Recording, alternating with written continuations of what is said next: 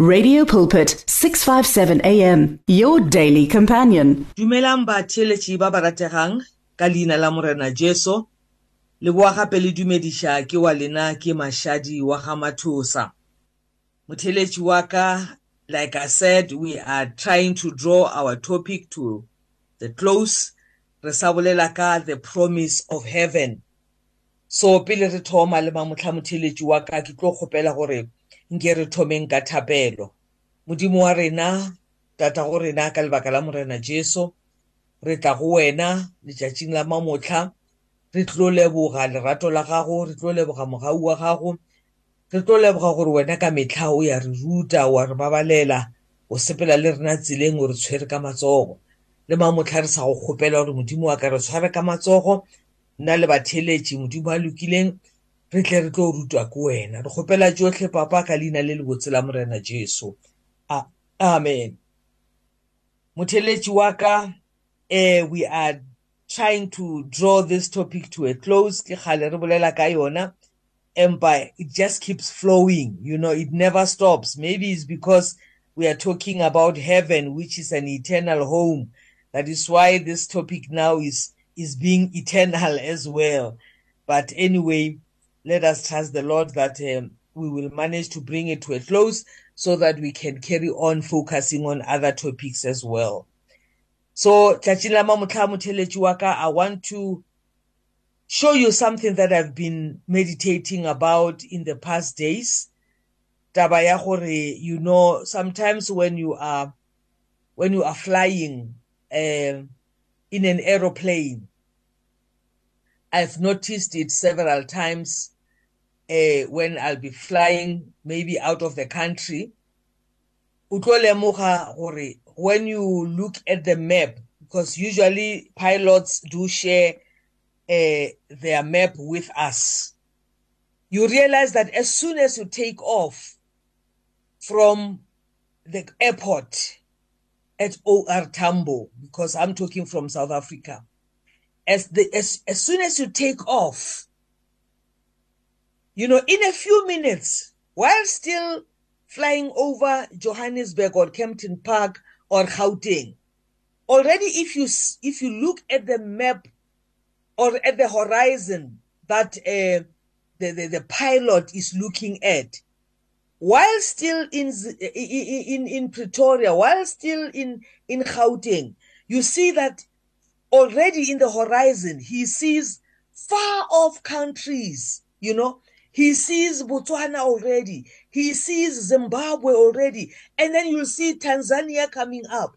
Then you'll see egypt coming up. Then already when he's still in gauteng all those countries where he's seated he's already seeing them on the map. He already knows where he's going to. And for him to have a safe landing, he needs to be focused on the horizon so that he'll be able to steer the plane in the, ra- the direction in able to be to, to, to be able to secure a safe landing. So motheletši wa ka motho mongwe o ipotša gore na ke ka lebaka la eng ke thoma my talk in that manner.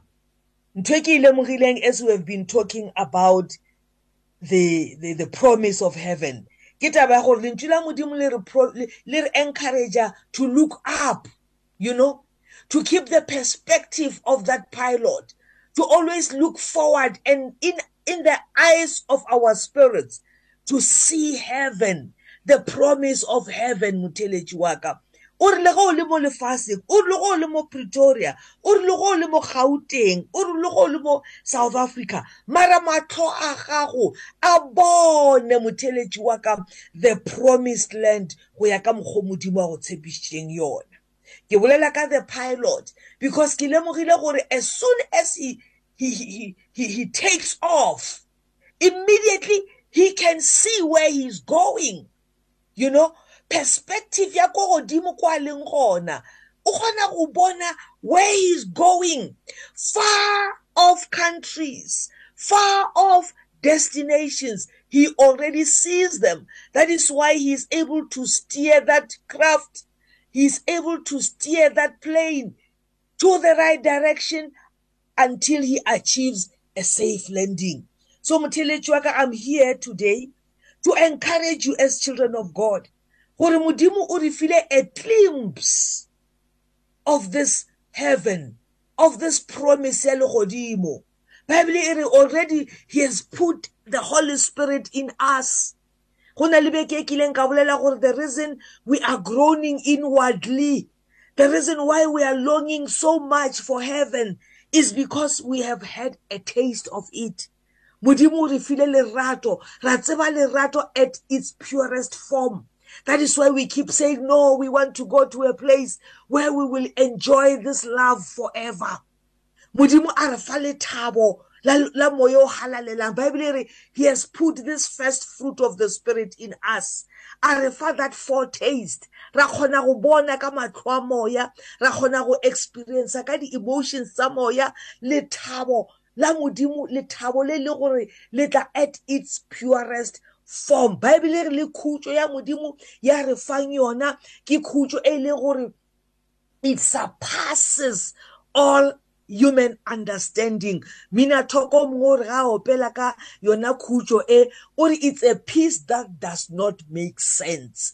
Ka baka la le go tsamaya ka re ga mathata motheletši wa ka le go tsamaya ka re ga mello ya lefase le khutso eo ga e fele. That is why mina thoko a reng is the peace that makes no sense. So motheletši wa ka modimo has given us a taste of where we are going. Go tshwana le that pilot ga a thoma go take her off a šetše a bona far off countries and he remains focused until he arrives where he goes. So motheletši wa ka le wena modimo o go file that privilege ya gore o tsebe gore you are heading towards a land which has got love at its purest form.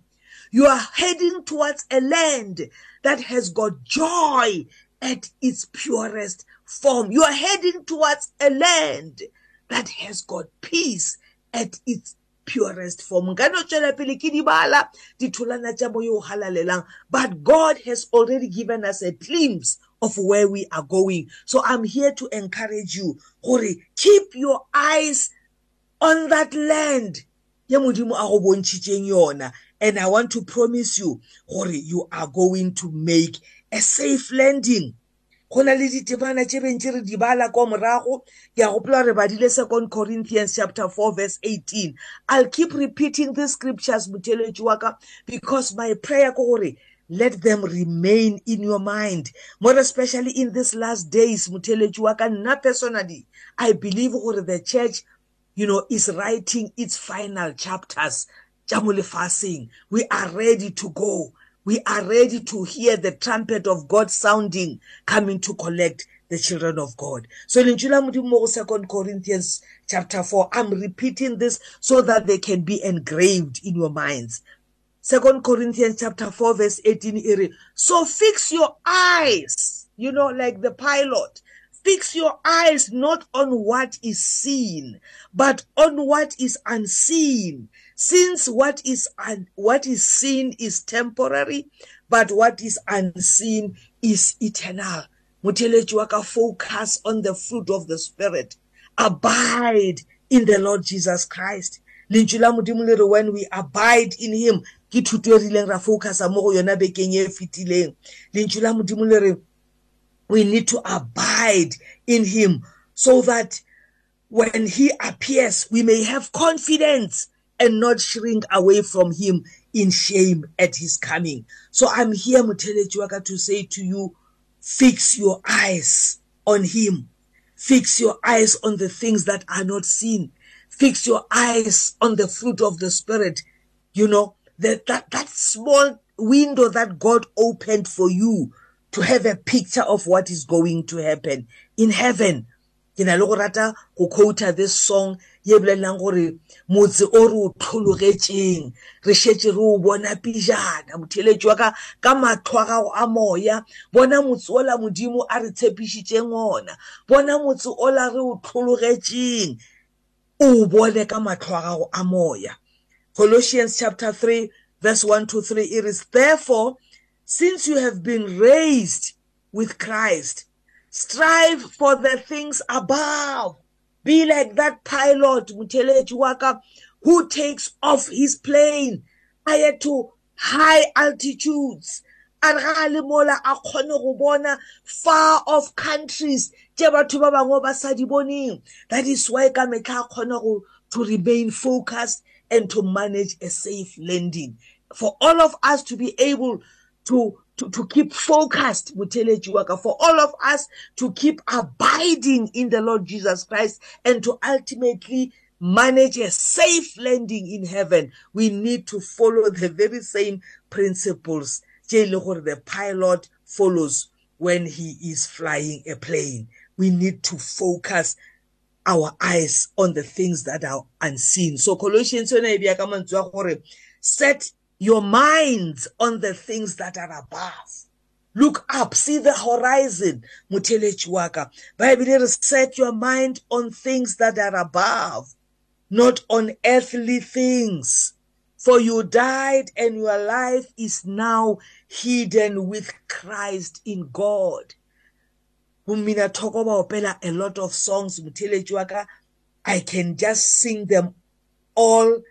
Nka sebe ka di fetša le a di tseba go na le tše dingwe di re bheka ezulwini. A ke tsebe sizulu mara ke a yikwa ge ke opela that song. E re ngoba kukhona umsindisi wethu owasifela something like that. And then uh, ba bangwe ba opela ba re ka le leng letšatši jesu re ilo mmona you know? Ba bangwe ba re o etla jesu. Amen. Hallelujah. Those are the songs, Mutelejiwaka, that need to ring in our minds all the time. Because Murana Jesu or abide. Just keep on abiding. Like the pilot, let us just keep being focused.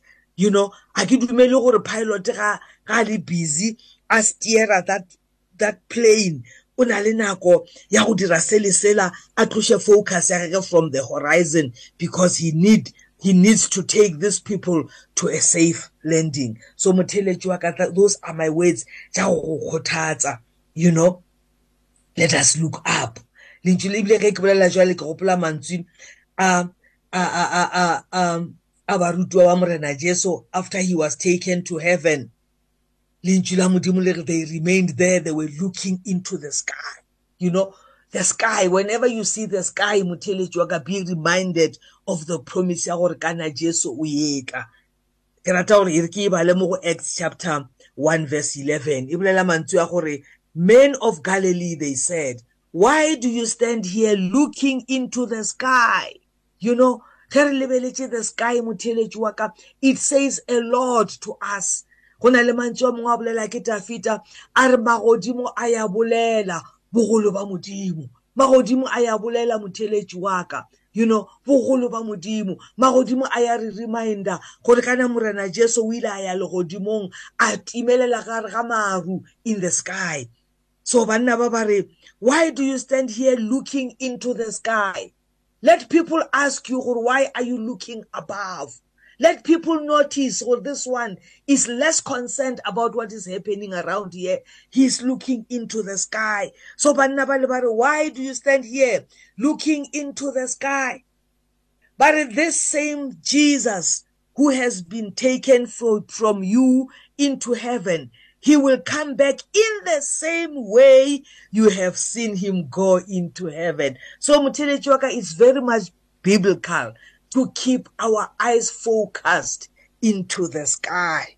Gobane morena jesu wa rena o a ileng a rwala ke leru a nwelela ka gare ga legodimo ka gare ga lefaufau. Baebile re o tlo boya ka yona tsela ela so like the pilot let us keep focused on the horizon. Let us keep focused on the sky. Because re a tseba gore morena wa rena o ile gae legodimong. And o tlo boya a etswa legodimong a e tla gore tšea and bible e re if we abide in him then when he comes back from the clouds you know when that trumpet sounds e re we will have confidence. You know rapella confidence eo motheletši wa ka ya gore ge morena jesu a etla o be amongst the few who will stand in confidence before the Lord Jesus Christ, who will not shrink away in shame. So those these are words Mutelejuaka that I'm praying that they should keep ringing in your ears.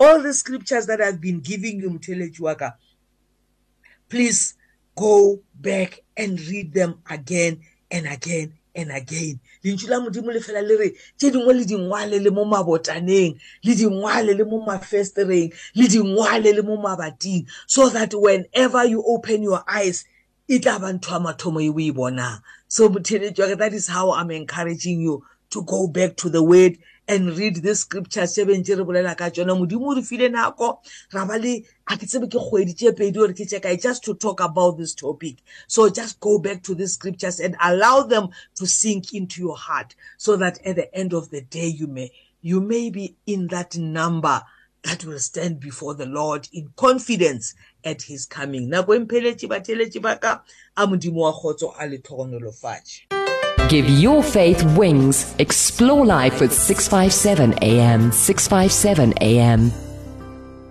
For there is a time to search and a time to give up, a time to reap and a time to sow. Radio Pulpit wishes to be there at all times, even when you just need prayer. Send us your prayer request by calling 067 429 7564 or email it to prayer at radiopulpit.co.za. Tune in to Radio Pulpit on 657 AM for reliable Christian talk radio at its best. Find your daily dose of Christ centered motivation and encouragement on Radio Pulpit 657. Download our app now.